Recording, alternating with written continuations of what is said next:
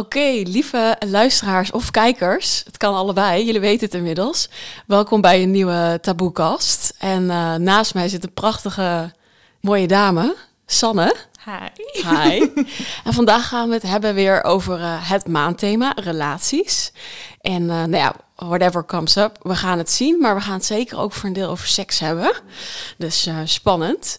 Um, lieve Sanne, ik ga bij jou beginnen. Ja. Dat doe ik bij elke gast. Kun je jezelf even voorstellen wie je bent, wat je doet en nou ja, wat je misschien ook wel een beetje kon vertellen natuurlijk vandaag.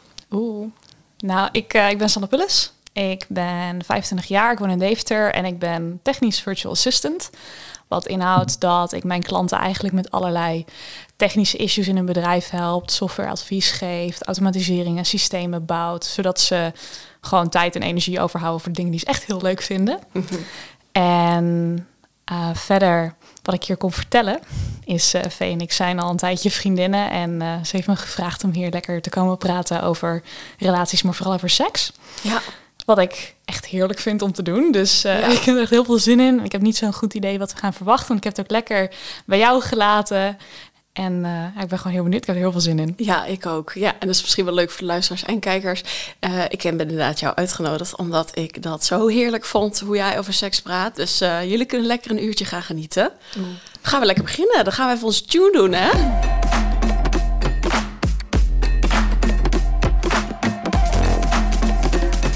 Lekker hè? Oh, love it. Ja, dacht ik al. Hey, um, zoals elke aflevering gaan wij beginnen met een stelling. Mm -hmm. En een luisteraarsvraag voor jou heb ik. Helemaal leuk hè? Ja. Zullen we beginnen met de stelling? Helemaal goed. Oké, okay, top. Ik kan weer even lekker kinds doen. Hè? Het blijft heerlijk. Oké, okay, stelling. Ik praat met mijn vrienden makkelijk over seks. Ah, ja. ik wel. Ja. ik weet ook niet helemaal wat voor stelling dit is. Um, ja, praten de meeste mensen makkelijk met hun vrienden over seks? Wat denk jij? Uh, nee. Nee.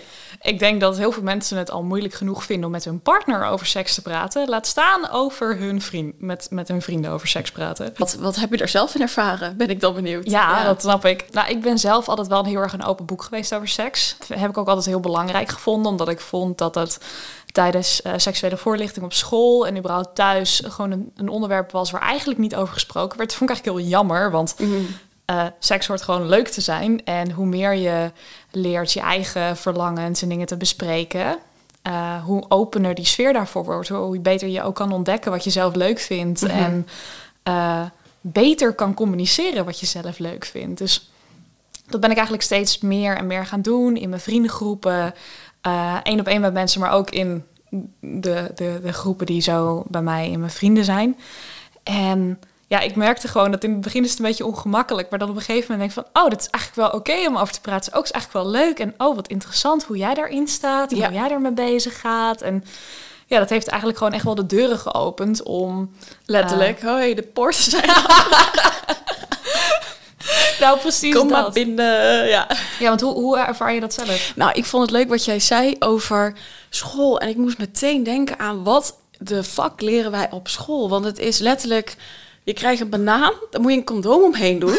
dat is de seksuele voortlichting ongeveer. En dan ook van, nou ja, jongens, weet je, doe het met condoom.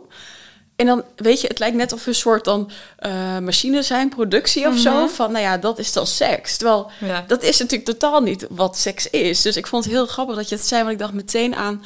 Ja, had samen de plank mis. En ik ben natuurlijk ex-levensbeschouwing En we hadden het op zich wel over seksualiteit. Maar ja, ik zit even te denken van, ik heb het nooit echt over van, hey, wat is dan normaal daarin of zo, weet je. Het bleef, ik denk dat het dan toch nog een beetje op de oppervlakte blijft. Ook omdat pubers zijn, hè, die willen gewoon niet alles delen. Die willen een beetje bij de groep horen wat echt totaal oké okay is. En uh, dus dat even over dat. En bij mijzelf, leuk dat je het terugvraagt. Ja, ik, ik, ik spreek er eigenlijk eerlijk gezegd niet heel veel over. Wel met mijn vriend. Mm -hmm. Maar wat jij zegt, ik denk jij was zo'n taboe doorbreker bij jouw eigen vrienden, denk mm -hmm. ik. Mag je straks wat meer over vertellen. Maar ik ben mij, ja, gaat het er echt over? Nee, ik denk het niet. Nee. Vind je het jammer? Nou, ik zou, want ik ben er ook best wel open over. Ik zou het ook niet erg vinden, denk ik. Maar ik voel soms ook de energie bij de ander. En dat hij dan misschien denkt van, hmm, wil ik daar wel iets over delen? Of ja, ik weet niet. Dus ik, maar ik zou het wel tof vinden. Ik vind dat je over alles zou moeten kunnen hebben. En ik denk dat seks een heel belangrijk onderdeel in ons leven. Ja, Ja. laten we even eerlijk zijn, toch? Ja, daarom. Het is hartstikke leuk. Van, Ja. We hebben niet alleen maar seks om kindjes te maken. Nee, we hebben het ook gewoon voor onze pleasure. Wat gewoon Mhm. super belangrijk is. Ja. Hey, en ehm, kun je ons daar eens een meenemen van ehm, hoe dat dan bij jou is gegaan? Want ben je daar gewoon altijd open over geweest? Of dacht je op een gegeven moment van... joh, ik ga, ik ga het nu gewoon even lekker in een groep gooien? Of, of hoe, hoe is dat? Want je hebt natuurlijk ook een lange relatie gehad. Ja. Dat is eigenlijk een beetje op een vervelende manier begonnen. Mijn eh, eerste seksuele ervaring was namelijk niet vrijwillig. En dat heeft bij mij zoveel angst eigenlijk ingeprent... dat ik daar pas na drie weken überhaupt met mijn ouders over durfde te praten... dat ik dacht van, ho eens even, dit is niet goed. Als ik hier moeilijk over blijf doen... of als ik dit zo groot en zo moeilijk in mijn hoofd blijf maken... dan eh, ga ik A, nooit met een partner kunnen overleggen... wat ik nou daadwerkelijk fijn vind en wat niet. Überhaupt niet kunnen ontdekken wat ik fijn vind... of niet omdat ik gewoon het moment dat ik erover begin te praten... En toen kreeg ik een aantal maanden later kreeg ik een ander vriendje, waarin ik eigenlijk al na anderhalve week aan hem vroeg of ik seks met hem kon hebben, omdat ik zo'n vervelende ervaring had gehad en ik wilde weten hoe het was om dat wel op een prettige manier te ervaren. En daarmee heb ik al heel veel dingen kunnen ontdekken. En zeker in mijn laatste relatie, die 7,5 jaar heeft geduurd, heb ik echt nou, van alles wat ik nog niet geprobeerd heb op het gebied van seks echt kunnen Ja. uitzoeken. Puur omdat daar de space voor was. Er er was ruimte voor. Het was zo'n veilige omgeving om dat te kunnen uittesten. Eigenlijk toen ik in die laatste relatie zat, voor mij, die heeft dus ook 7,5 jaar geduurd. Toen ben ik het er langzaamaan ook steeds meer met vrienden over gaan hebben. Puur omdat ik eh nieuwsgierig werd. Ik was inmiddels ook 18, 19. Eh, de meeste mensen in mijn omgeving die hadden ook of een vaste relatie of meerdere scharrels. Ja. Eh, dus dat, dat er in elk geval dat, dat iedereen ook wel al een aantal van zijn eigen ervaringen had om het over te kunnen hebben. En daarnaast, ik heb gemerkt hoe belangrijk het is om je verlangens te kunnen communiceren. Ja. En als ik het al moeilijk vond met een van mijn partners, terwijl ik er zelf heel open-minded over ben en er heel makkelijk over praat en er veel dingen over leer, wat ik ook echt helemaal fantastisch vind. Hoe moeilijk is het dan voor mensen die, die die ruimte nog niet gevoeld hebben? En dan wilde ik daar heel graag kijken of mijn vrienden daarvoor open stonden. En dat is wel echt, ja, dat is wel echt heel erg leuk geworden uiteindelijk. Ja, mag je zo wat meer over vertellen? Maar ik wilde er niet overheen gaan. Je zegt je eerste seksuele ervaring was eigenlijk niet zo fijn. Je zei wel van daarna had ik een ander vriendje. Was dat met jouw vriendje dan? Ja, Nou ja, kun je dat eens vertellen voor mensen die luisteren van... Oh, ik heb eigenlijk ook zoiets ervaren hoe je dan weer wel plezier hebt teruggevonden... of hoe je jezelf daar dan weer voor hebt opengesteld. Want ik kan me voorstellen dat dat best een... Ja, dat is gewoon een trauma, lijkt me. Hoe ben je daarmee omgegaan? Sowieso heeft die eerste ervaring dat dat met mijn eerste serieuze vriendje best wel wat schade opgeleverd. Dat zal ik niet ontkennen. En het heeft ook echt wel wat stressors opgeleverd in mijn tweede relatie en in mijn langste relatie die daarna kwam. Eigenlijk het eerste wat ik hem had verteld, dus mijn, mijn tweede vriend zei van weet je, dit is wat er gebeurd is. En ik weet dat het anders kan. Ik weet dat seks niet onvrijwillig is. Ik weet dat het heel fijn kan zijn. Ik weet dat het heel liefdevol kan zijn. Zeg maar, mijn ouders, ehm, niet dat ze hun hele seksleven op tafel zetten, absoluut niet, helemaal niet. Hey paps en mams, leuk als je luistert. Maar Bij deze, je wordt exposed. Nee hoor. Maar mijn ouders zijn al 32 jaar heel gelukkig samen. En eh, die hebben daar gewoon heel veel plezier aan. Die lopen ook nog steeds hand in hand door de stad en zo. Oh, heerlijk, ja. En ik heb daardoor altijd een heel goed voorbeeld gehad van hoeveel mooie dingen dat kan brengen in je leven. En ik had toen dat tweede vriendje van mij gezegd van ja, weet je, dit heb ik nu ervaren, maar ik weet dat het anders kan. Ik, en ik wil heel graag dat met jou uitzoeken.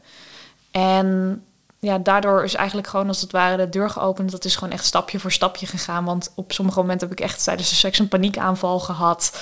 eh, omdat hij me op de verkeerde manier aanraakte bijvoorbeeld. En hij zat dan tegenover me. Dan stopte me gewoon oké van wat, wat, wat triggert dit gevoel nu bij? En welke handeling hoort dat? En toen zijn we ook eh, iets waar ik bijvoorbeeld helemaal niet tegenkwam. was als iemand zijn hand bovenop mijn hoofd legde. Daar ging- kreeg ik rillingen over mijn rug. Zeg maar als iemand echt zijn hand zeg maar zo bovenop mijn hoofd legde. En dat zijn we toen gewoon langzaam gaan proberen. Om, mocht het een keer gebeuren, dat ik niet compleet dicht zou slaan. Dus dan ging ik bij hem op zijn schouder liggen. Dan ging hij gewoon door mijn haar heen kriebelen. ging hij gewoon fetus verder naar de bovenkant van mijn hoofd, bijvoorbeeld. En op zo'n liefdevolle manier eigenlijk door die trauma's heen werken. Door er ook gewoon veel over te kunnen praten. En door ook eigenlijk een ander verhaal rondom seks neer te zetten. Mhm. Dat het ook vooral voor pleasure is en niet alleen maar als iemand anders het wil, dat het echt vanuit twee kanten komt. Ja, dat heeft, eh, heeft, heeft gewoon echt heel veel goed gedaan.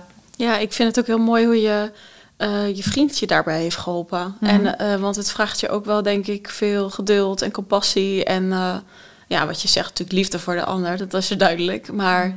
dat- daar moet iemand nog wel in, ja, jou ook wel een deel voor in kunnen dragen. Ja, Ja. precies. En dat, dat was ook wel, dat was bij mijn tweede relatie zeker en bij mijn derde relatie al helemaal. Thomas, still love you. Hey, Ja. Dus je lu- ik weet dat je luistert. Waarschijnlijk wel.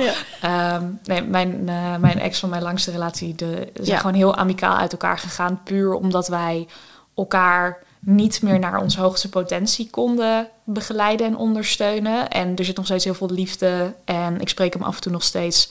Alleen, wij werken gewoon niet meer als koppel. Nee. Daardoor kan ik ook nog met heel veel liefde over praten. Mhm. En ik, ik wil hem daar gewoon echt heel erg voor bedanken dat hij mij daar zeker, waar mijn tweede vriendje al een basis heeft gelegd, heeft Thomas daar toch echt wel eigenlijk alle trauma's die daar omheen zaten met mij kunnen oplossen. Ja. Ja, heel liefdevol. Mhm. Ja. En dat je ook zegt van ja, we nog 7,5 jaar en we laten elkaar dan vrij, want we hebben dan een ander pad. Maar dat je dit samen hebt gedeeld is natuurlijk ook al ja, heel, nou ja, intens is het verkeerde woord. Maar snap je, het heeft toch wel lading of zo wat je dan samen doet. Ja, daarom. Ja. En dat is zeg maar iets wat waar ik, ik, ik noem, ik heb ook laatst tegen hem gezegd van jij was voor mij gewoon echt een cadeautje. En ook al ben je nu niet meer mijn partner, dat wil niet zeggen dat ik de tijd die we samen gespendeerd hebben niet nog steeds heel erg koester. Ja, waardeer. Ja, Ja. ja. prachtig. Ja. Hey, even terug naar de stelling van, hè, eh, praten we misschien dan nog niet zo makkelijk over? Mensen denken misschien, nou, weet je, eh, laat lekker zitten. Voor mij hoeft dat ook niet. Waarom zeg jij, ga het wel doen? Ik denk sowieso dat met mensen die je vertrouwt over seks praten. En ik denk dat het heel interessant is om dat in de dynamiek van jongens meisjes te doen. En ook van mensen met verschillende seksualiteiten. Omdat je toch... eh, een van mijn beste vrienden is gay. Ik heb zoiets van, ik denk dat ik van jou het allerbeste kan leren hoe je een man moet plezieren. Ja, ja, ja. Bijvoorbeeld, andersom, als ik een vriendin heb die in een lesbische relatie heeft gezeten, heb ik precies van, ik denk dat ik voor jou het beste kan leren hoe ik een vrouw moet plezieren. Dus, of hoe ik zelf het liefste geplezierd wil worden. Want je ervaart het van twee kanten en je kunt ook van verschillende kanten het verhaal horen. Ik ben ook bevriend met een aantal koppels, dus ik kan van beide kanten horen hoe ze seks ervaren. En soms daarin ook helpen om eigenlijk het stukje wat ze tussen elkaar missen op te lossen. Zeg maar dat ik ze allebei kan helpen om de ander beter te begrijpen. ja. Dat vind ik gewoon echt heel tof. En dat, ik denk dat dat met alles is. Is dat, eh, dat is ook waarom ik in bijvoorbeeld business coaching super belangrijk en waardevol vind. Je, je kunt namelijk je eigen blinde vlekken niet zien. Mhm. Daar heb je andere mensen voor nodig. En soms kun je het gewoon niet horen van je partner. Ook al probeert diegene dat toch, omdat je er toch een hele emotionele lading aan vastkoppelt. En als je dat dan een van een van je vriendinnen hoort, of een van je vrienden hoort, kan het op een andere manier bij je binnenkomen, waardoor je het in één keer wel snapt. En heb je daarvan een concreet voorbeeld? Hoe bedoel je precies? Dat laatste, van als ik het dan van iemand anders hoor, kan ik het wel aannemen. Qua seks en eh, wat bijvoorbeeld wat jij van iemand anders hebt gehoord en waardoor je het wel kon pakken omdat het niet je vriend was. Oh ja, ehm, ik had hier laatst met eh, twee vrienden echt een heel mooi gesprek over.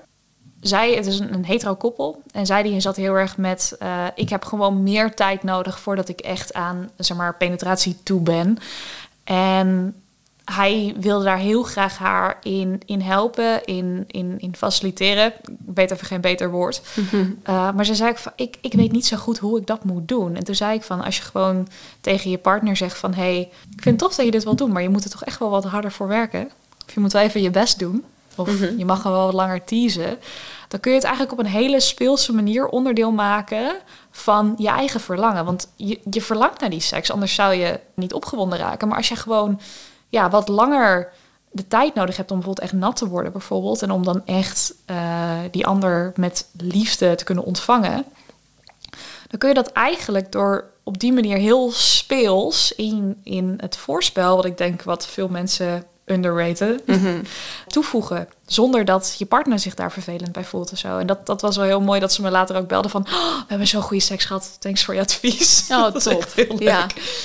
Oké, okay, nou thanks. We gaan denk ik door even naar de luisteraarsvraag. -hmm. Want die sluit hier heel mooi op aan. Oké. Okay. Denk ik. is de volgende. Ik ga even zoeken hoor. Ik heb ze allemaal opgeslagen. Oké, eh, lieve taboekast. Ik heb gelezen dat jullie in september het, het thema relaties hebben. Nou, dat klopt.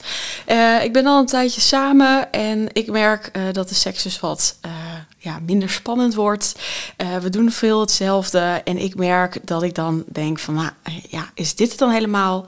Hebben jullie misschien wel tips voor ons zodat we het iets kunnen upspicen of hè, dat er iets meer lust in komt. Ja, dat is eigenlijk uh, wat ze vraagt. Dus ik ben heel erg benieuwd. Nou ja, ik Oh. heb al, uh, ik hoor net al dat je vriendin heel goed had geholpen. Dus vandaar dat ik zei, ja, kom maar door jongens. Ja, Oh, seks heerlijk. tips.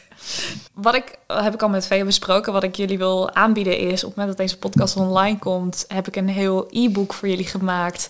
Met Ja. eigenlijk al mijn favoriete series, quizzen, tips over hoe je eh, beter kan communiceren over je verlangens, maar ook je eigen verlangens kan ontdekken. Dus eh, Ja. dat kun je, hetgene wat ik je nu ga vertellen, staat daar ook in. En als je het meer spicy wil maken, vind ik BDSM altijd een heel mooi onderwerp. En je hebt gewoon op internet heb je letterlijk bdsmtest.org, de echte URL sowieso in, in dat e-book vinden. Ja, precies. Eh, ik denk dat het deze is, ik weet niet 100% zeker. En dan krijg je gewoon een hele lijst met vragen over dingen die je interessant lijken over de wereld van kink. Mhm. En dan kun jij zelf die vragenlijst invullen en je partner ook. En dan kijken waar je, eh, Matched. waar je matcht inderdaad. Dat is leuk. En dan kun je daar, van de dingen die daaruit komen, kun je ja, mee gaan experimenteren. Iets, zeg maar, ik ben zelf een switch. Wat wil zeggen dat ik in BDSM zowel dominant ben als submissive. Ehm, Ja, kun je ons even meenemen in die term en wat het precies is? Oké, BDSM bestaat eigenlijk uit eh, drie combinaties. BD staat voor bondage, DS staat voor dominant en submissive en SM staat voor sadisme en masochisme. Nou, bondage spreekt voor zich, elkaar vastmaken, een, Ja. een stukje restraint. Dus iemand vastbinden en dat kan door middel van shibari, wat Japanse rope art is. Eh, of door middel van iemand gewoon aan je bed vastbinden en ervoor zorgen Precies. dat diegene niet meer kan bewegen. Dan heb je dominant en submissive. En de submissive ontvangt en de dominant doet, als het ware. En heel vaak wordt het nog gezien als dat iemand die dominant is bepaalt wat er met de sub gaat gebeuren. En in zekere zin is dat wel zo. Maar ik zie, als ik zelf een dominant ben, dat mijn taak is om mijn sub te laten genieten. Ja. Dus ik doe wat diegene wil dat ik doe en waar die het meeste pleasure aan beleeft. Alleen ik bepaal wel zelf de regels. Ja, precies. Ja, en dan heb je nog sadisme en masochisme. En sadisme is dat je opwinding beleeft als iemand anders pijn ervaart. En masochisme is dat je opwinding beleeft aan het zelf ervaren van pijn. Dus dat is zeg maar die, die hele term zeg maar uitgelegd. Ja, top, thanks. Voor wat analytische stuk. Ja, dat kan je goed, dat weten we. Nou, super tof dat je dat boek ook gaat delen. Ehm, ik vind het ook wel mooi dat je zegt van... joh, je kan dat gewoon even zelf bekijken... omdat het natuurlijk best wel een specifieke vraag is. Ik denk ook wel weer... eh, ik heb toevallig ook een podcast opgenomen met mijn vriend...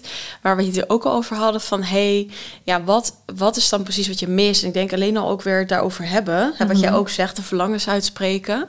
dat dat wel echt... ehm, ja, belangrijk is. En, en, en wa- wat je ook zegt van, hé, hey, waar kunnen we elkaar vinden? Want ik kan me ook wel voorstellen dat mensen dit luisteren en denken... nou ja, misschien vind ik wel helemaal niks daarin tof.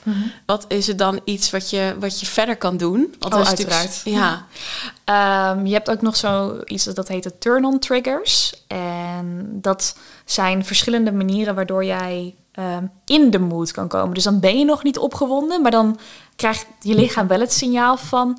Oeh, er kan iets gebeuren. Dit vind ik interessant. Hier wil ik wat meer mee. Ehm, de eerste van is desire. En dat is gewoon heel sec. Ik die aan jou vertel wat ik met jou wil doen. ja. Nou, En kom dus- maar door. Ja, dus echt een, dat je, dat je een, als, als zeg maar degene die dat luistert, echt een plaatje in je hoofd kan maken van hé, hey, dit is wat ik, wat, wat, ik, wat ik kan verwachten. Ja. Een ander ding is eh, een soort van acts of service. Dus dat je thuis komt en dat eh, diegene de was voor je heeft gedaan. Of eh, gekookt heeft. Dat je in elk geval niks meer aan je hoofd hebt. Waardoor je afgeleid kan worden van de daad van seks. Mhm. Dan heb je environmental. En dat is dat er mooie kaarsjes aan staan. Dat het bed verschoond is. Dat, dat er gewoon echt met bijvoorbeeld muziek of met geur of iets dergelijks... een hele fijne ruimte gecreëerd wordt... waardoor je daarmee kan beginnen, als het ware. Ehm, dan heb je cat en mouse. En dat is eigenlijk dat je elkaar inderdaad een beetje teest van... hey, eh, ik ga douchen, ga je mee? Oh, Of eh, hey, ik, eh, als, als, als jij nou gewoon eens even hier op bed gaat liggen... en je broek alvast uitdoet... dan ben ik nog even in de keuken bezig... en dan kom ik je zo even plezieren. Ja, plezier ook echt, ja. Ja, en het, zeg maar, ik denk überhaupt al het, het vinden van de juiste woorden om je verlangens te beschrijven en woorden te vinden die voor jou sexy klinken en die een sexy gevoel bij je geven. Dat zorgt daar ook al heel erg voor. Dat, eh, dat je gewoon weet welke, welke woorden je aan de daad wil koppelen. Ik vind bijvoorbeeld kutje gewoon absoluut niet sexy. Ja, ja. Dat echt, dat, is- dat is, zeg maar, ik, ik, ik, zeg maar, als andere mensen daar goed op gaan, helemaal prima. Ik ben veel meer omschrijvend van, hey, zal ik je daar beneden eens een kusje geven? Ja, ja, precies. Ja, kutje vind je dan eh, even te plat of zo. Ja, ja, ja. Moet ik hier geld van worden? Hallo. daarom. Ja. En, en door met je partner het op deze manier over seks te hebben, kun je ook ontdekken van, hey, van welke woorden ga ik aan en van welke woorden ga ik uit? Ja, ik vind dit wel een hele goeie voor ook eh, de luisteraar van eh, wel- welke woorden. Dat vind ik een hele toffe. Daar had ik nog nooit aan gedacht van, oh ja, woorden spelen zoveel ook weer in, in, in seks en ook tijdens de Ja. daad. En wat zeg je tegen elkaar? En ja. Ja, en misschien vind je het bijvoorbeeld fijne muziek aan te hebben tijdens seks. Maar goed, wat voor soort muziek is dat dan? Ja. Is dat dan zeg maar een soort van careless whisper van... Dat. Of is het juist rapmuziek of iets anders? Of juist harde hardcore. Muziek. Ja, dat zal voor jou waarschijnlijk ja. ook wel een goede... Ja, ik kreeg van die porno seks, Ja, precies. hey, als dat is waar je zin in hebt, dan is het ook helemaal geen... Er is nee, echt niks mis met een potje goede porno seks. Nee, dat is zeker waar. Ja. Dus en een ander heel belangrijk ding wat ik denk dat heel goed is om mee te geven, is dat seks niet altijd hetzelfde hoeft te zijn. Dat Ja. zeg maar, je kunt het ene moment heel erg zin hebben in hele liefdevolle, romantische, gepassioneerde Ja. telers. En anders kun je gewoon zin hebben in hele harde porno's. Ja, precies. Dat is ook helemaal prima. Ja. En daarom denk ik dat, dat consent ook zo belangrijk is. En ik zeg altijd, consent is alles wat je wel wil en voor de rest niks. ja, precies. Zeg maar, ik, ik zie je grenzen altijd als alles wat je wel wil. En ik vind dat gewoon een hele mooie manier om te kijken van... nou, waar ben ik allemaal wel oké mee? Dat zijn dan mijn grenzen. En voor de rest niet. En dan is het aan je partner om te kijken van... hé, hey, hoe kunnen we dat, Ja. die, die eventueel verbreden? Maar altijd in overleg. Want ik denk dat dat... Het feit dat er zo weinig over seks gepraat wordt... is ook vaak... Ja, er, er staat toch een soort miscommunicatie tussen partners. Van, hé, hey, ik dacht dat je het lekker vond... of ik dacht dat je dit prettig vond. Terwijl als je het er goed over hebt... Ja. dan kom je er vaak achter van... Ja, dit, dit is het toch niet helemaal. En iets wat ik met verschillende bedpartners al gedaan heb... is dan probeer ik gewoon een aantal dingen uit... en dan vraag ik van, nou, wat vind je lekkerder? Vind je dit lekkerder? Ja. Of vind je dit lekkerder? Of wat vind je hiervan? Of wat vind je hiervan? En zo ontdek ik eigenlijk bij elke nieuwe bedpartner... van, hé, hey, wat zijn nou degene... nou, Inmiddels diegene- 97. Nee, nee sst, heb het niet van mij. Nee, grapje, grapje. Ik weet het helemaal niet. Nee, ik vind het heel, sorry, ik zit een beetje kloten, maar ik vind het heel mooi wat je zegt. En ook, ik dacht ook meteen eventjes van, het is natuurlijk ook super kwetsbaar. Want ik denk, hè, je- jij bent heel open erover en duidelijk. En hé, hey, je kan van alles tegen me zeggen. En eh, ik vind het alleen maar top. Maar ik kan me ook voorstellen, ik heb daar zelfs met een vriend over gehad. Die werd dan niet helemaal lekker gepijpt, zou ik maar zeggen. Ja. En er kwamen wat tandjes bij. Maar hij durfde dat gewoon niet te zeggen, omdat hij dan bang was. Van, oh, dat zijn vriendin van toen eh, zou reageren van, oh, maar hè, dan doe ik het niet goed. En dat ze dan helemaal dicht zou slaan. Dus wat is dan een manier, of kun je eens een voorbeeld geven van, hè, wat je zegt het wel een beetje van, dan zou ik het zo doen of zo doen. Hoe doe je dat in godsnaam met je partner? Of je bedpartners? Ja, Ehm, ik, ik begin daar sowieso bij voorbaat al mee. Van, laat ik het zo zeggen, ik neem nooit aan dat iemand iets lekker vindt. Ja. Als ik niet hele duidelijke visual cues of als ik het niet zeker weet, dan vraag ik er gewoon naar. Van, hey, Ja. vind je dit lekker of vind je dit fijn? Of eh, zal ik het zo doen of zo? En ik, ik vind het gewoon ook heel interessant om verschillende manieren van pijpen bijvoorbeeld uit te proberen. Te kijken van, hey, wat werkt het beste? Werkt dit tempo beter? Werkt deze kracht waarmee ik mijn hand bijvoorbeeld gebruik? Ja. Vind je het fijn als ik alleen mijn mond gebruik, mijn handen of allebei? Ja. Eh, vind je het fijn als ik je lichaam hier aanraak of hier? Eh, vind je het fijner als je ligt, staat, zit, wat Ja. dan ook? Zeg maar, ik denk dat dat ook wel heel erg mee te maken heeft dat ik toch wel een hele dominante kant in me heb. En dat het pleasure van degene waarmee ik seks heb voor mij ook een van de grootste turn-ons is die er is. Ja. Als ik zie dat de, degene waarmee ik seks heb geniet, ga ik zelf ook heel lekker op. Ehm, ja, ja, is ook lekker. Ja, toch? sowieso. Dat, dat je. Ja. ja, maar wees je er ook van bewust dat het andersom net zo is. Dat Als je, het goed is, ja. ja, dat jouw Ja. partner er ook net zo van geniet als die jou kan plezieren. Ja. En wat je ook zegt met die vriend die dan niet durft te zeggen dat het eigenlijk niet zo prettig is als die Ja. op- op die manier gepijpt wordt. Van ja, trek het je ook niet persoonlijk aan, want iedereen is anders. Iedereen ervaart pleasure op een andere manier. Iedereen ervaart seks op een andere manier. Ga er niet vanuit dat omdat één iemand iets lekker vindt, dat de ander dat ook vindt. Ja. Ik heb één keer een keer een date gehad. Oh god, nu gaan we. Jongens, kijk, Nou, speel de maar juice. serieus, die greep me binnen vijf minuten nadat we seks hadden al zo hard bij mijn keel dat ik echt dacht: wat de fuck ben jij er toen, vriend? Hi mam, sorry als je luistert. Ja, zet hem even af. Er komen nog meer eh, juicy... eh, Dus ik heb hem toen echt van me afgeduwd. Ik zeg: waar de fuck denk jij dat je mee hey, bezig maat. bent? Inderdaad, ja. Want dat was niet consensual, zeg maar. Als iemand me choked tijdens seks, vind ik prima. Maar dat doe je niet in de eerste vijf minuten en dat doe je in overleg. Ja, en overleg. Ja, precies. Dus hij had me tijdens het zoenen al een paar keer best wel hard in mijn lip gebeten. En ik had zoiets van, eh, deze kerel vindt waarschijnlijk ruig wat fijner. Maar daar kan ik nog bij vinden. Maar hier had ik echt zoiets van, ik, mijn hele luchtpijp werd gewoon afgekneld. Dan heb ik ook zoiets van, ja, het boeit mij niet dat al je vorige vriendinnetjes dit lekker vonden. Dit overleg je gewoon even. Dit doe je niet zomaar. Ja, ja. ja, wat je net zei. Dit ging over jouw grens. Ja. Ja, precies. Ja. hey, en ehm, je zei, ik ben best dominant. Mhm. Maar je bent als... Want dat is misschien een verkeerd beeld dan ik heb. Want dominant heb ik zoiets van, inderdaad, ik bepaal. Mhm. Maar bij jou hoor ik eigenlijk een dominantie... die eigenlijk ook wel weer heel toegewijd is. Want je zegt, ik wil jou plezieren. En als ik dus denk aan, aan, aan cliché dominant... dan denk ik, joh, eh, ik ga even dit en dit bij je doen. Zou ik maar Mhm. zeggen, dat ik bepaal. Dus eigenlijk in die dominantie zit dan een hele andere kant. Snap je? Dus is het wel één, één of het ander? Ehm, ja, hoe ik het eigenlijk zelf altijd zie, is... Er is hier ook een hele fijne theorie voor. Die kan ik niet zo exact on top of Mm. mind opleveren. Val me van je tegen, Sanne. Sorry. Ehm, maar die zal ik wel in eh, het e-book erbij zetten, want ik vind het namelijk heel erg...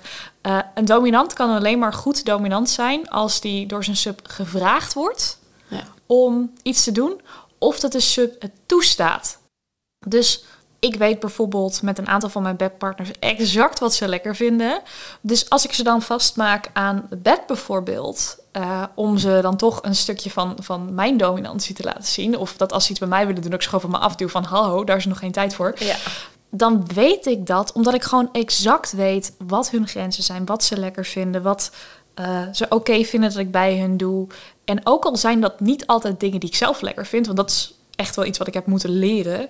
Het feit dat iemand anders ergens pleasure aan ervaart waar ik zelf helemaal van uitga, wil niet zeggen dat ik dat niet bij die ander zou mogen doen.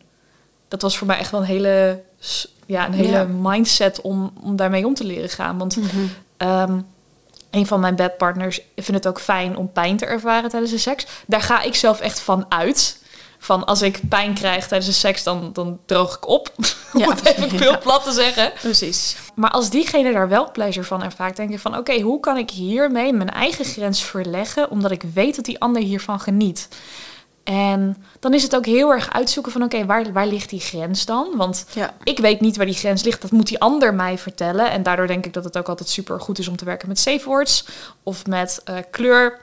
Zeg maar aanduidingen van groen is helemaal goed. Oranje zit, je zit op het randje, maar het is nog wel lekker. En rood is van, nee, ja, stop maar. klaar. Ja. Ehm, en gewoon het gebruik van een safe woord, die eigenlijk een kort woord, wat je ehm, eigenlijk niet in die context zou gebruiken, is gewoon ook heel belangrijk. Ja. Omdat dat ook gewoon ja, dat gesprek heel erg opent. En ik denk dat samen eh, porno kijken of samen eh, dus zo'n zo'n BDSM-test doen of samen Ja. testen om te kijken van hé, hey, wat, wat zijn nou onze verlangens en waar overlappen die of waar vinden we een match? Want met BDSM is natuurlijk dat de een de ene kant moet hebben en de ander de andere kant om het interessant te maken. Je hebt bijvoorbeeld een rope bunny, dat is iemand die graag vastgebonden wordt. En een rigger is degene die het vastgebonden doet. Maar als je allebei liever een rope bunny bent, dan moet je dus iets vinden hoe je dat voor elkaar prettig kan maken. Dat is niet automatisch dat je denkt van, je vindt het altijd fijn om vastgebonden te worden. Dus misschien kun je het dan allebei tegelijk doen. Of om en om. En daar, daar dan in een dynamiek vinden. Mhm. Ja, mooie uitleg over de dominantie. En ik denk ook heel, of tenminste, ik denk heel belangrijk dat het even inzicht geeft van, oh wacht even, het kan ook echt anders, zou ik maar zeggen. Of tenminste niet eh, hoe het ooit dominant was. Ja, Ja, ik, dat was wel grappig. Ik had het dus met mijn vrienden er ook al over. Dat, die zei, dat ze eigenlijk allemaal zeiden van ja, ik ben liever niet dominant. Want dan kan die ander doen Oh, precies. Uh, ja. Dan kan die ander me precies vertellen wat ik bij diegene moet doen. Maar juist het ding van een dom zijn is dat je eerst uitzoekt met je sub wat zijn zijn of haar grenzen, wat vindt die persoon lekker en dan eigenlijk binnen dat kader de controle nemen over die ander. En wat ik ook zeg, dat kader dat kan dus ook per keer veranderen.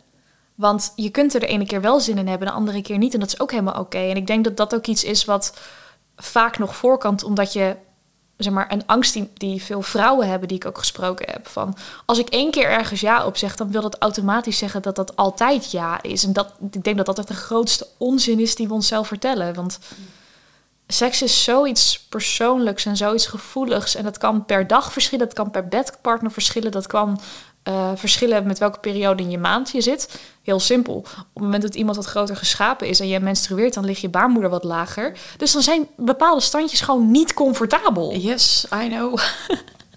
Daarom. En dat zijn standjes die tijdens je ovulatie heel comfortabel zijn, bijvoorbeeld. Ja. En als we het even hebben over de vrouw. Dus. Als we het even dus hebben over de vrouw, zeg maar. Opletten. Ja, ja. zeker. Ja. Dus dat zijn ook allemaal dingen om om over na te denken, om jezelf bewust van te zijn, om jezelf ook vooral niet schuldig over te voelen. Dat verschillende momenten in de maand, in de dag, in je relatie met verschillende partners, dat dat kan betekenen dat jouw wensen en je verlangens ja. gaan veranderen ja, hoe logisch is het ook? Ik zit ook te denken van, joh, we, we zijn nu alweer veranderd. En na dat gesprek of zo zijn we alweer veranderd. Maar hè, dat is heel extreem. Maar hoeveel veranderen we niet als je kijkt naar hoe, wie was ik vijf jaar geleden, wie ben ik nu? Mhm. Hoe logisch is dat dat dan ook meegaat? En met die vraag van misschien dat het best wel wat mensen dan eh, vastzitten in, oh ja, en wat kan ik dan nog doen? En, maar je voelt wel van, hé, hey, ik ben op een ander punt of ik zou eigenlijk iets anders willen proberen, maar dan zo misschien ook soms aan het oude vasthouden, omdat het al vertrouwd is, of van, hè, zo doen we het toch altijd, dus zo moeten we het blijven doen. Ja, want hoe heb je dat in je eigen relatie opgelost? Want ik heb uh, met mijn ex, uh, dat is mijn langste relatie, dat was vijf jaar. Mm -hmm. Maar ja, uh, die is natuurlijk ook een beetje vaag geëindigd. En Mhm. mm -hmm. Hoe heet het? Ik merkte toen wel heel erg dat ik toen echt nog wel een punt zat van... Um, ik moeilijk te communiceren en elkaar een beetje kwijt in geraakt. En mijn relatie nu, kijk, uh, Stef en ik hebben ook in de podcast al verteld van wij lopen ook tegenaan van, hè, er was een vraag over van hoe houd ik het spannend en leuk. En wij communiceren daar heel veel over. Ja, hoe doen we dat nu? Ik denk dat ik dat gewoon heel duidelijk aangeef van, joh, hé, hey, ik, ik wil eigenlijk weer iets, iets spannenders proberen of zo. En zullen we dit eens uitproberen? Of zullen we eens een keer een rollenspel doen? Of weet ik het wat? Dus ik denk dat dat we daar gewoon over communiceren. Dat dat het belangrijkste is, wat jij ook zegt. Mhm. Dat het uiteindelijk altijd te maken heeft met uh, verlangers uitspreken. En weet je wat, wat ik ook grappig vind in een relatie... is dat je misschien merkt van de een is daar al oké mee... en de ander wil soms wat meer. En dan is het die weer en dan is het die weer, zou ik maar zeggen. Dat wisselt elkaar ook een beetje af. En hoe kun je elkaar dan daarin blijven vinden? En weet je, dat hebben we ook al gezegd... van het, het is ook gewoon blijven werken. En soms denken we van het is allemaal oké en hoe het toen was, dat moet dan nu ook zo zijn. Ja, zo werkt het gewoon helemaal niet. En ik denk dat dat ook iets is van doordat als we meer met elkaar erover gaan hebben, dat we ook veel meer merken van oh ja, loop tegen hetzelfde aan. Uh, zullen we het daar eens over hebben? En als je inderdaad met je vrienden erover hebt, hè, wat bij mij dus nog niet heel veel is, dus ik heb daar niet per, uh, per, se heel veel ervaring mee. Maar ik kan me voorstellen dat je dan denkt, oh, we hebben dit geprobeerd en dit was helemaal iets voor ons. En bij de ene denk je, nou, weet je, inderdaad, hier krijg ik helemaal een uh, droge van. En mm -hmm. de andere denk je, oh, dat lijkt me best wel leuk. Ja. ja, precies. En ik denk ook zeker dat het karakter van degene waarmee je seks hebt ook bepaalt waar je bij diegene opgronden van raakt. Ik heb ja. bijvoorbeeld een keer een bedpartner gehad met best wel een temperament. Ja, uh, daar durf ik geen submissive in te zijn, want ik ben veel te bang wat er gebeurt als hij tijdens de seks het temperament een keer verliest, bijvoorbeeld. Ah, zo ja. En dat wil niet zeggen dat daar door de deur naar alle seksuele avonturen. Want ik heb met die persoon echt op de raarste plekken seks gehad. Wat echt super tof was. En super geil ook heel vaak. Um, dat had ik met in mijn langere relatie bijvoorbeeld niet. Maar daar hebben we echt in de slaapkamer van alles geprobeerd. Mm -hmm. um, omdat daar die ruimte ervoor was. Dus ik denk ook heel erg dat het uitzoeken is van... hé, hey, wat voor verschillende dingen vind ik wel opwindend... en wat vind ik bijvoorbeeld niet opwindend. Ik vind bijvoorbeeld rollenspel niet zo heel bijzonder eigenlijk.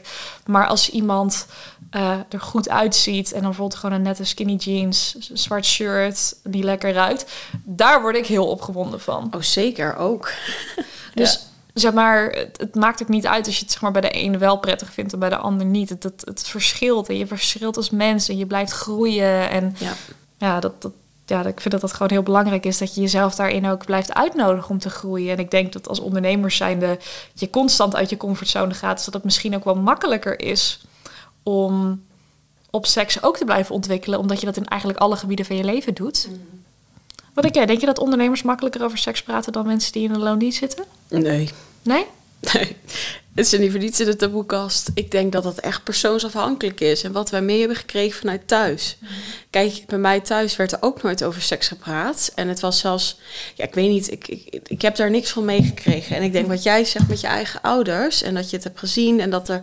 Nou ja, niet uh, hoi paps en mams weer... maar dat niet in alle geuren en kleuren dan letterlijk... maar dat het wel opener was, dat dat al heel veel scheelt. En ik denk dat het meer daarmee heeft te maken met hoe vrij ben ik ergens opgevoed of hoe vrij is mijn omgeving erin en wat neem ik daar dan uit mee. Ja. ja. Nou, wat is wel grappig is, dus ik vertel mijn ouders tegenwoordig echt over al mijn dates en avonturen en ja, zo. moet je ook maar willen. Ja. Nou, het, het is zeg maar andersom zijn ze er niet zo open over. En dat is ook helemaal goed recht. Maar wat dus heel grappig is, is dat ik heb mijn ouders er dus een keer mee geconfronteerd. Doordat ik kreeg een pakketje binnen en dat waren sextoys. En mijn moeder bleef maar vragen van, wat zit er in dat pakketje? En toen zei ik, wil je dat echt weten? Ja, ja, wil je dat echt weten? Ja, dus ik dat hele ding opengesneden met een mes op tafel omgekeerd. En mijn moeder kreeg zo'n hoofd als een tomaat. En eigenlijk sindsdien is het zoveel makkelijker. Omdat ik zei, mam, waar doen we nou eigenlijk moeilijk over? En nu kan ik mijn ouders echt alles vertellen. Ja. Um, en dat is ook gewoon super fijn. Het is ook gewoon heel leuk om dat soort dingen met mijn ouders te bespreken. Vindt mijn vader misschien soms iets minder. Maar mijn moeder vindt het in elk geval heel erg leuk om, om het aan te horen. En dat, dat maakt het ook gewoon, ja, maakt het ook gewoon fijn dat, het, dat, dat ik eigenlijk die ruimte daarvoor gecreëerd heb. Ja. ja, dan moet je, ik zit wel te denken, je moet er wel een bepaalde band voor hebben, denk ik Mhm. al, überhaupt met je ouders.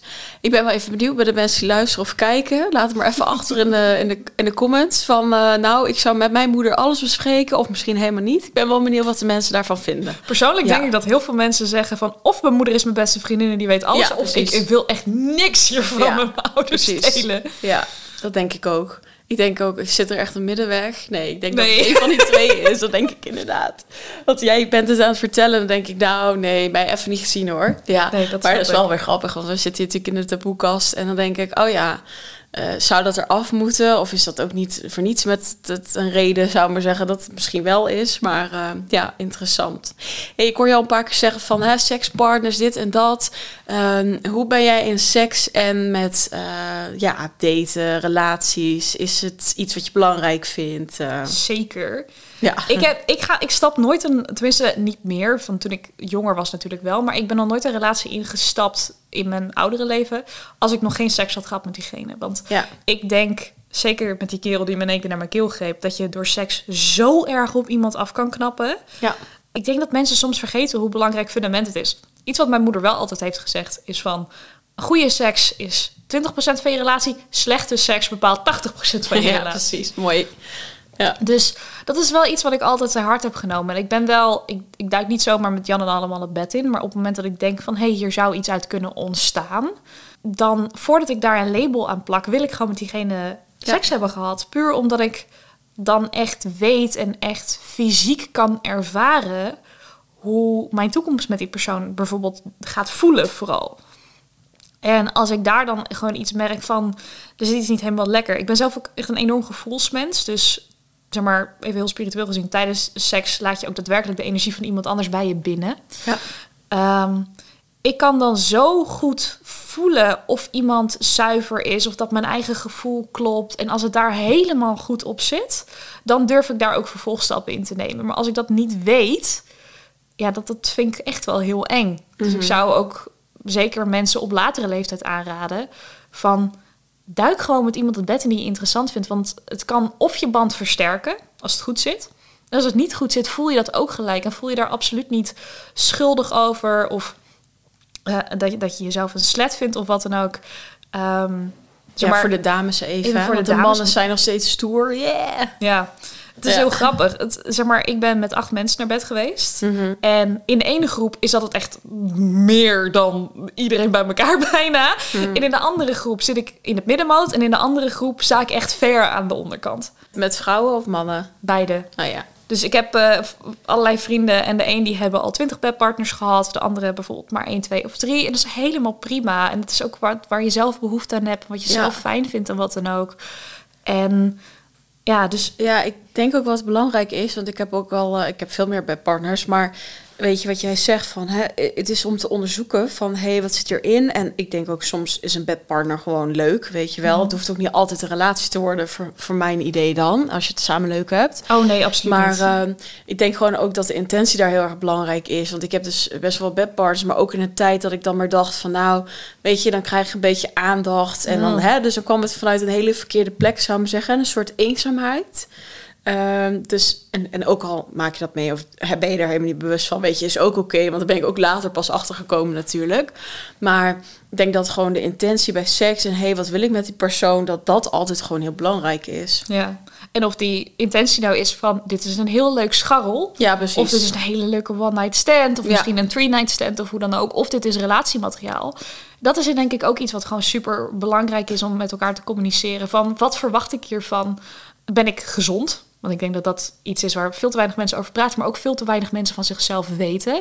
Ja, maar zoals ik net zeg, van ik wist het ook niet. Hoe men, eh, je hebt het over gezond in de zin van gezond beetje seksgedrag, toch? Of niet? Nee, ik bedoel echt of je SOA's hebt of wat dan ook. Oh joh, ja. Ik bedoel, ik laat me Ja. ook een nieuwe webpartner testen. Ik was ook altijd van een test hoor. Ja, en ik denk dat dat zo gezond is. En dat je daarover praat. En dat mensen niet zeggen van... Oh nee, ik heb niks. Want ik heb nergens last van. Nee, precies. Dat ik ook denk van, hallo kerels, dames, eh, hier kunnen we echt wel wat meer verantwoordelijkheid in nemen. Of Ja. meer verantwoordelijkheid over ons eigen lichaam. Ja, ook naar de ander, weet Ja, je. Sowieso. Hoe, zuiver is het als je denkt, nou, ik ga me niet laten testen... en die ander krijgt weer eh Connie van je. Weet je wel? Ja. Of eh chlamydia, wat zeg ik? Nee, dat, je moet het misschien met een Connie doen, maar... nou, dat doen we niet altijd. Ja, Nee, ah, wat zelf nu is, is van ik gebruik geen enkele vorm van hormonale anticonceptie meer. Dus ik moet Ja. altijd seks hebben met condoom. En dat is prima. Maar als iemand daar van tevoren al moeilijk over doet, dan heb ik zoiets van... Hey Ajo, fijne dag hè, zoek Ja. uit. ja als het daar echt eh, zo om, eh, om gaat. Ja, Sowieso. En ik denk dat in een relatie condoom gebruiken ook gewoon veel meer gedaan mag worden. Omdat, Ja. zeg maar, sperma verandert de pH-waarde van de vagina. En daardoor ben je gewoon als vrouw veel sneller vatbaar voor infecties. Mhm. Eh, met één bedpartner valt dat op zich nog wel mee. Als je meerdere partners hebt, wordt dat gevaarlijker. Even, Ja. Ah, vandaar dat ik altijd een schimmelkut had en zo. Ja. Ja, we Nou, doen dat. helemaal eerlijk. Ja, nee, maar nu snap ik het. Ja. Ja, maar dat, dat is gewoon zo. En hoe meer verschillende DNA daar bij elkaar komt, hoe makkelijker de kans is op infectie. Dus ja Het zijn ook altijd als eh, vrienden van mij, als die in een relatie zitten, zeggen van ja, ik wil geen condoom gebruiken, want dat is minder fijn. Ik zeg ja, ik weet dat dat minder fijn is. Maar goed, zo'n infectie Ja. is ook kut. Daar heb jij alleen geen last van, Ja, alleen je vriendin wel. Ja. Het gaat er toch over dat je het allebei leuk hebt. En dat, dat, ik denk dat ik daar wel ook een aantal Ja. mensen in geïnspireerd heb van, oh, eigenlijk is het ook helemaal niet zo erg. Ja. En daarnaast, het geeft ook veel minder zooi. ja, het is echt... Ik vind het wel even leuk dat je het aanhaalt. We zeiden al, wisten niet waar het heen zou gaan. Maar, eh, Eigenlijk wel, maar Ja, stiekem een beetje heel plan hier. Nee, nee hoor. Eh, nee, helemaal niet. Maar ehm, inderdaad, de anticonceptie. Wij hadden het laatst over toen we waren afspreken. En toen zei ik ook van ja, ik heb dan een koperspiraal nu. Want ik, heb, ik ben al lang gestopt met de pil. Want ik werd echt crazy. Helemaal goed. Weet je, ik, ik, ik, ik, eh, ik had sowieso al natuurlijk moeite met mijn emoties. En toen was ik nog helemaal niet bewust hoor. Maar ik werd daar zo gek van. En als ik ongesteld was, weet je, al, ik had toen ook nog last van agressie. Maar dat ging altijd helemaal fout. En ik dacht, waar komt dat door? Dus gestopt met de pil. En dat scheelde al, zou maar zeggen, de helft. Nou, had ik natuurlijk helaas nog wat werk zelf ook te doen. Nee, dat is Mhm. helemaal niet erg. Maar het is niet alleen van stop met die pil. Maar ik denk wel dat het, dat het even mooi is wat je aanhaalt van... Ben je even bewust? En nu heb ik dus een koperspiraal die eigenlijk misschien ook wel best wel irriteert aan je baarmoeder. Hè? Hadden we het laatst ook over. Van wat wil je daarmee? En ik eh had dus ook het gesprek met mijn vriend. En de eerste reactie was natuurlijk een condoom, dit, dat. En toen laatst is hij erover na gaan denken. En toen dacht hij ook van, oh ja, maar ja, wat, wat is daar dan precies erg aan? Of hey, kunnen we dat in ieder geval gaan proberen? Maar we hebben al zo van, oh, maar dat is niet lekker, dit, dat. En dat zit zo in ons hoofd dat we al geblokkeerd raken, een muurtje opdoen. En niet eens meer bijna kunnen luisteren met, oh, maar wat zit er dan achter? Wat is de reden? Ja. hey, kunnen we het hier gewoon over hebben? Hè, komen we weer over dat kwetsbaar durven zijn en communiceren. Ja, en om even een idee te geven, met mijn vorige bedpartner heb ik gewoon twaalf verschillende merken condooms uitgeprobeerd. Om te kijken precies. welke voor ons allebei het fijnste was. Ik ben zelf echt mega fan van die van Lelo Hex. En die hebben een normale maat en die hebben een XL-maat. Ja, even de reclame. Je wordt even gesponsord. Hoi. Ja, nee, echt fantastische producten. Want ik had, nadat ik uit mijn tweede relatie kwam, was ik echt heel erg, had ik echt een overgevoeligheid voor latex. Dus ik heb toen echt van alles geprobeerd. Ik heb ooit een keer de Durex Orgasmic Gel gebruikt. Echt stond in de fik Oh daar god, dat is verschrikkelijk inderdaad. Zo'n Ik heb pijn. hetzelfde ervaren. Het was Oh. niet te doen, jongens. Nee, Durex helaas. Jullie worden even afgevlamd hier. echt. Oh, ik krijg nog steeds kippenvel van als ik hier aan denk. Zo Oh, naar oh, was oh. dat. Dus Het is echt van, gaat het ook over? Blijft dit zo? Ja, Ja. nou ja, goed. om het er toch nog even over te hebben. Durex, het feit dat het het merk is wat het meest verkocht is, wil absoluut niet zeggen dat het het beste merk is. Ja, we krijgen straks problemen hier met... Ja. Nee. Hey, sponsoring door Lelo vind ik helemaal ben ik al voor. Hè? Dus, Ja, precies. We zullen ze even mailen. ja. Ja. Maar ehm, ontdek ook, zeker als partner, maar als man, als als vrouw, van er zijn natuurlijk heel veel verschillende maten condooms. Daar zijn mannen zich vaak ook niet van bewust. Je kunt heel vaak, als je een pakje omdraait, kun je zien wat de eh, doorsnee is of zo. Ja. dat is vaak bij normale condooms volgens mij 54 millimeter. Eh, en dan heb je die extra dunne, die zijn vaak 52. Dus als je al wat breder bent, is dat al vaak een stukje oncomfortabeler. Ehm want ook merken zoals My Size, die gewoon in heel verschillende maatranges eh condooms hebben. Dus als je condoomgebruik niet fijn vindt als man, kijk dan of dat al in eerste instantie ligt aan de condooms die je gebruikt. Ja, precies. Als je een grote lul hebt en je doet zo'n smalle om, dan... Ja. En dat doet gewoon zeer. Ja, dat is ja, gewoon precies. oncomfortabel. En als je bijvoorbeeld wat kleiner bent en hij is gewoon te los, dan is Ja. dat ook niet comfortabel. Nee. En dan juist dat soort merken zoals My Size ehm, geef je dus de mogelijkheid om dus wel condooms te gebruiken en dat door wel eh, zelf ook als prettiger te ervaren. Ja. En ja, je helpt je vriendin ermee. Daarnaast denk ik dat vrouwen het boek eh, Je brein aan de pil van Sarah Hill moeten lezen. Want die Mhm. vertelt alles over alle chemische processen die anticonceptie in je hoofd allemaal doet. Sowieso denk ik dat hormonale anticonceptie echt nog te veel bij jonge vrouwen gepusht wordt. Ja. Een, heel, een heel ander onderwerp voor een heel ander soort Ja, podcast. het komt er... Ja. Kan ik ook echt een heel lang over lullen. Want sinds ik ermee gestopt ben, komen er echt zoveel dingen op mijn pad. Dat ik denk van, hoe de fuck wist ik niet, niet? En waarom ben ik zo ignorant geweest over al deze... Ja, maar dat is ook weer op school of wat je bij de Ja. dokter krijgt. En je weet toch ook helemaal niet beter? Nee, daarom. Het is van, hey, eh, je hebt een onregelmatige cyclus. Hier is de pil. Succes ermee. Ja. En dan denk je van, ja, ik kan toch niet zwanger worden. Dus ik zou ook maar seks hebben zonder condoom. Maar dat, ik denk sowieso, seks met condoom, dat dat... Of je nou aan de anticonceptie zit of niet, sowieso goed voor je is. Mhm. Ja, als vrouw dan ook. Ja. En mannen, begin niet over het kost geld, dit, dat, hè? Want Weet je het niet hoe kost duur die ons spiraal is? Ja, Jongens, de niet- spiraal, jongens. Je 150 euro. Nee, ik weet het eigenlijk niet. Misschien nog wel meer. Misschien wel 300. Ik heb mijn spiraal bij de gynaecoloog laten plaatsen. Dat was 580 euro of zo.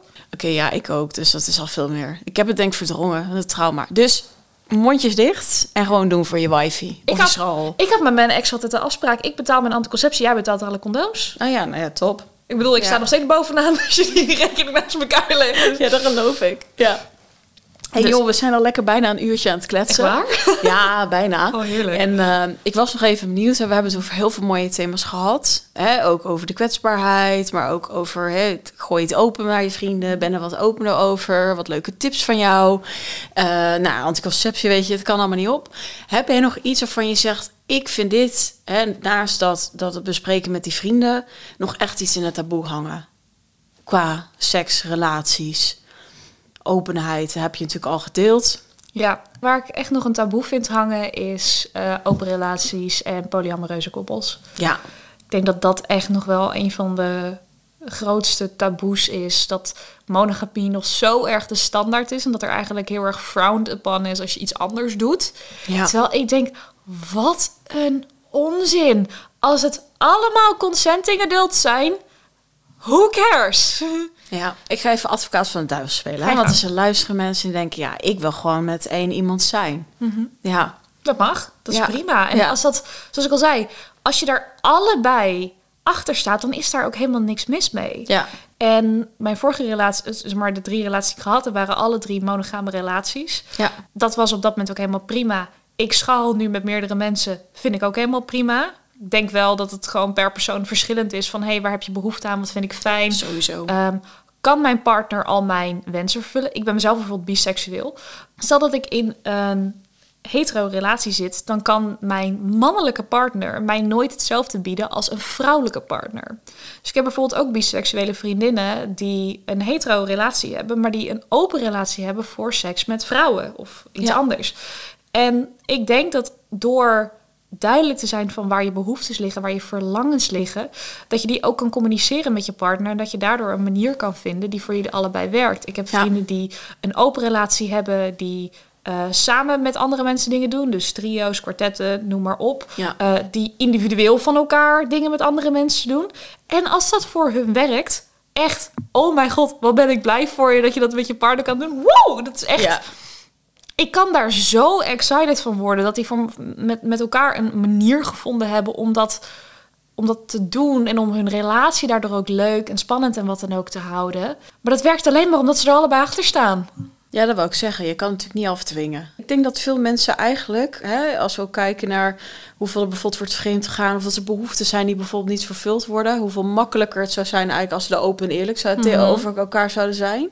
Maar dat het ook wel vaak is van ja, nee, maar dat wil ik echt niet, dan zit de deur dicht, Mhm. weet je wel. Dus je moet daar wel, denk ik, ook wel hele al open-minded mensen voor zijn en de ander ook daarin heel erg kunnen loslaten. Mhm. Ja, Ik denk bij in, het gaat altijd over vertrouwen. ja, Ehm, dus ik denk sowieso in eerste instantie het gesprek kunnen openen over wat je zelf fijn vindt in bed. Mhm. Dat je daarna, dat, het is echt wel een stap verder om te kijken van... hey, vervult mijn partner al mijn behoeftes? En hoe kunnen we dat eventueel met iemand anders erbij ja. Aanpassen? En ik heb vrienden die in polyamoreuze relaties zitten... die als je dat hele systeem bij elkaar hebt... dat ze met een man of 7, 8 zijn, Ja, prima. Als dat voor hun werkt, helemaal fantastisch. Daar, ben, daar kan ik alleen maar heel erg excited Ja, ik over vind het ook zijn. heerlijk dat het met zeven of acht mensen gaat. Dus ja. Ja, Ja. dat dat werkt op, op hun manier. Dat vind ik alleen maar mooi. En dat, ik denk dat... En doen ze ook orgies met elkaar? ja. Oh, heerlijk. ja, ik denk echt Bel me. van... Nee. Ja, Nee, sorry schat als je dit hoort. maar, dat, Even overleggen. maar dat, Ja. dat soort dingen, ik vind dat zo fijn. Dat, dat ze dus voor zichzelf een sfeer hebben gecreëerd. Dat dat dus kan. En dat daar geen nare gevoelens in zitten. En dat ze daar met elkaar van kunnen genieten. Dat, dat juich ik echt alleen maar toe. Maar het gaat allemaal Ja. weer over communicatie. Ja, dat is zeker. hey, jij zei van voor relaties niet. Eh, is het iets wat jou meer trekt? Omdat je het ook aanhaalt en misschien in je omgeving ziet? Ik weet het niet zo goed. Iets wat ik zeg maar sowieso... Stel dat ik een open relatie zou krijgen... dan wil ik het liefste één primary partner. Wat dus inhoudt dat ik één vaste partner heb... en bijvoorbeeld een paar scharrels. Maar dat mijn primary partner nog steeds het meeste van mijn tijd krijgt. Ja, precies. Ehm, ik zie dat bijvoorbeeld bij veel open relaties wel. Je hebt natuurlijk een relatie met één iemand, maar hij is open, dus je staat open voor meerdere mensen. En bij een polyamoreuze relatie kan het dus zijn dat al jouw partners op hetzelfde niveau staan of op hetzelfde Ja. level staan in je hart en in de intieme dingen die je met ze deelt. Op dit moment zie ik dat niet per se zitten. Dat kan natuurlijk altijd veranderen. Hetzelfde, ik noem course. mezelf biseksueel, omdat ik alleen nog op cis mannen en op cis vrouwen ben gevallen. Maar als dat verandert en ik een keer op iemand val die trans is of zich als non-binair eh, of genderfluid identificeert, dan verander ik mijn seksualiteit naar panseksueel in plaats van biseksueel. Maar dat Ja. is nog iets wat ik nu niet heb ervaren. Dus nu zit ik in dit hokje, Ja. of in dit kader beter gezet. Ja. En als daar iemand voorbij komt die dat kader zeg maar opschudt, dan kijk ik daar op dat moment anders naar. Ja, mooi antwoord. Ik denk natuurlijk met alle dingen zo. Ja, of tenminste waar we net ook over hadden van ja, je verandert zo. Ja, maar ik vind het wel ehm, ja, mooi en ik denk ook eh, ja, voor de luisteraar van oh ja, weet je, hoe is het hoe ik er nu in sta en dat dat soms ook kan veranderen. Ja. Ehm, en wat ik zelf ook heb meegemaakt, kijk, ik heb een open relatie geprobeerd. Ik zeg ook nadrukkelijk geprobeerd. Ja. Omdat op een gegeven moment was eh, mijn ex-partner daar dus niet meer mee eens. En dan kreeg ik een hele rare situatie, want ik wilde dat eigenlijk nog wel. Ja. En, eh, en, en, en hij niet meer. Dus toen, toen kwam ik dus in het dingetje van... oké, dan ga ik gewoon niet eerlijk zijn... want je moet niet komen met mijn vrijheid. Weet je wel. Maar ja, dan zit je dus helemaal in de shit. Ja. Dus dat raad ik niemand aan. Maar heel veel van geleerd. Maar hè, dus daarom denk ik wel... in een open relatie heb je echt alle tweede partners nodig. En ook, hoe ga je er dan mee om als de ene het moeilijk heeft? En wat je al zegt, we komen er weer. Weet je, het is heel cliché in deze podcast... maar communiceren is zo belangrijk. ja. Ja, En wees daar voor jezelf ook heel erg bewust van... hé, hey, eh, we hebben nu deze regels, als het ware, opgezet. En ik denk dat een open relatie en een polyamoreuze relaties ook heel erg over vertrouwen gaat en heel erg over openheid, communicatie. Heb ik net alweer over. Van, Ja. Vind je dat bijvoorbeeld het oké als iemand het meerdere keren met hetzelfde scharrel doet? Of vind je alleen one night stands oké? Eh, waar zit bij jou de grens? Gaat dat over eh, texting? Gaat het al, o- zeg maar, dus echt met elkaar appen? Dus dat je een emotionele relatie bijvoorbeeld met iemand bouwt? Zit die grens bij zoenen? Zit die grens met eh, seks, wat alles is behalve penetratie, zit dat er al bij in? Ehm, dus zeg maar, door het erover te blijven hebben en voor jezelf ook steeds duidelijker te vinden van hé, hey, waar zit mijn grens en waar, waar ligt die schaal bijvoorbeeld? Ehm, een koppel van mij wat bevriend is, die heeft zoiets van ja, je mag het met iemand maar één keer doen. Dus het mag niet iemand zijn die je al kent. Als het Ah, een vreemde ja. is, dan vind ik het Met helemaal emoties, prima. gevoelens erbij, Ja. zoiets. Ja. Dus als het puur Goeie. lust is, vind ik het prima. En als het emotioneel is, dan niet. Dat, maar dat zijn ook allemaal dingen die je ontdekt door het over te hebben, door te ervaren. En ja. Ehm, het kan ook zijn dat je met je partner iets gaat uitproberen. Of dat nou een open relatie is of wat dan ook. Of iets anders in seks. En dat je achterkomt van... Oh shit, dit vond ik eigenlijk helemaal niks. Of dit vond ik helemaal niet fijn. Door dat ook aan te geven. Want wat ik, ook, wat ik al eerder zei. Een van mijn partners is een masochist. ja. En ik vond het zo lastig om hem echt fysiek pijn te doen. Dat, dat we daar zoveel over gehad hebben. En gewoon, ik echt constant gevraagd van, van is het nog oké? Waar, waar zit dit? Is het groen, oranje of rood? En, en dat, dat zeg maar, ik wist van, ik doe dit voor zijn pleasure. Dit, het hoeft hij niet bij mij te proberen. Nee, Streep eronder. Dat, nee, dat, nee, doen we gewoon niet. no go. Maar ehm, gewoon eigenlijk doordat ik wist van dit kan hem zoveel genot opleveren, hoe kan ik eigenlijk mijn grenzen verleggen om toch het genot van die ander voorop te stellen? En ehm, dat moet natuurlijk inderdaad je grenzen verlegd zijn. Dat moet natuurlijk niet over je eigen grenzen heen gaan. Als jij dus zoiets hebt van ja, ik vind het prima als mijn partner one night stands heeft of zo, maar dat dat niet meer wordt als dat, of dat het niet mensen zijn die die al echt kent of wat dan ook, dan moet je dat bespreekbaar maken. En zoals alles, het gaat alleen maar over communicatie. Ja. Jullie weten het inmiddels. Ja, Ja, je hebt het duidelijk mee. Is het duidelijk? Ja. Het is al drie podcasts hetzelfde volgens mij. Communiceren, communiceren. Maar ja, het is ook gewoon belangrijk. Mhm. En het zit er wel echt in het doen. Dus je kan er wel horen en denken, oh, dat ga ik doen. Maar ja. Maar we hebben het natuurlijk ook over relaties. Dat gaat automatisch over meerdere personen. Dus of dat nou liefdesrelaties, vriendschapsrelaties, seksrelaties of wat dan ook zijn. Ja. Als je niet met elkaar communiceert, dan bloedt het op een gegeven moment dood. En zeg maar dat je niet helemaal communiceert met een one-night stand. Als je die in de kroeg tegenkomt. Als je een borreltje te veel op hebt. Ja. Als je dan niet verder komt, dan doe er even een condoom om. Eh, en dat gebeurt en je hebt seks en je gaat naar huis en het is helemaal prima. Weet Ja. je, So be it. zo be it. Zien we nooit meer terug. Hi, eh. Kijk, dat, dat dan communicatie niet helemaal bovenaan Wat je was zijn naam staat. ook alweer? Ja. Hoe heet Weet, die ja, nou ik weet het eigenlijk niet. Ik heb zijn naam niet gevraagd. Waar was ik, heb ik nou geslapen vannacht? Hoe oud was hij nou? 14 jaar ouder. Oh, oh, oh, dat is een heel ander territorie. Ja, ja, Nee. ja. ja, het kan. Het kan allemaal. Ik ken genoeg mensen die met veel eh, leeftijdsverschil eh, zitten. Maar goed. Ja, maar Ja. goed, als ik het nu zou doen met iemand van 14, ben ik wel strafbaar. Nee, 14 jaar ouder. Oh, oké, ik, zat- ik zat te denken, iemand van 14. Ik denk van, Nee, jongens, geen Marco-praktijken, nee, alsjeblieft. nee, nee, nee, Ja. nee, nee, nee, Eh, nee, dit, nee, nee, nee. nee, dit knippen we niet. Laten we lekker in. Lekker humoristisch. ja. ik denk dat jouw laatste opmerking echt eh, ja, weer super mooi was. Dus ik wil daar heel graag bij afsluiten. Ik heb genoten van je openheid. Je hele fijne stem. Dat moeten jullie het mee eens zijn. Het is heel fijn om te luisteren. Ik weet niet hoe jij het vond om naar je eigen stem te luisteren. Inmiddels oké misschien. Nou, het is heel grappig. want Ik heb dus sinds ik podcast ben gaan opnemen echt nog nooit zoveel complimentjes over mijn stem Ja, het is echt. Je zou een luisterboek moeten opnemen. Zo fijn en rustig. En eh, ja, dus dank je wel. En eh, ja, precies. En eh, oh ja, projector. Ja, ik moest even nadenken. Maar, eh, dank je wel voor je openheid, je fijne voorbeelden. Het e-book wat je voor iedereen maakt. Laat zeker eventjes achter in de comments. En eh, Spotify, Apple, maar ook natuurlijk bij Sanne's Instagram. Wat je eraan hebt gehad. eh, vind jij ook vast super leuk om te ontvangen. Je kan alles eens teruglezen in onze bio. Wil je zelf ook komen spreken? Ja, de aanmeldingen komen al wel flink binnen. Dus ik moet wel zeggen, ik heb maar één keer in de week natuurlijk weer tijd voor iemand. Maar mocht je denken van wow, ik vind dat ook super tof. en ook niet alleen vrouwen, maar ook echt, eh, iedereen is natuurlijk welkom, maar hè, er zijn vooral vrouwen die zich aanmelden. Maar ik nodig ook zeker de mannen uit om jullie verhaal te komen doen. Dankjewel voor het kijken, luisteren, eh, whatever, waar je ook zit. Deel hem ook lekker even met je vrienden. Helemaal de vrienden die denken van... nou, jij kan wel even wat meer spicy gebruiken of seks. Of hey, zullen we dus gewoon eens daarover gaan hebben de volgende keer dat we elkaar zien? Moet je deze misschien eerst even doorsturen. Ben je geïnspireerd door ons? Nogmaals, dankjewel. En eh, ja, voor de taboe doorbrekers, voor de luisteraars... eh, we spreken jullie volgende week. Dikke Ja. je. Doei!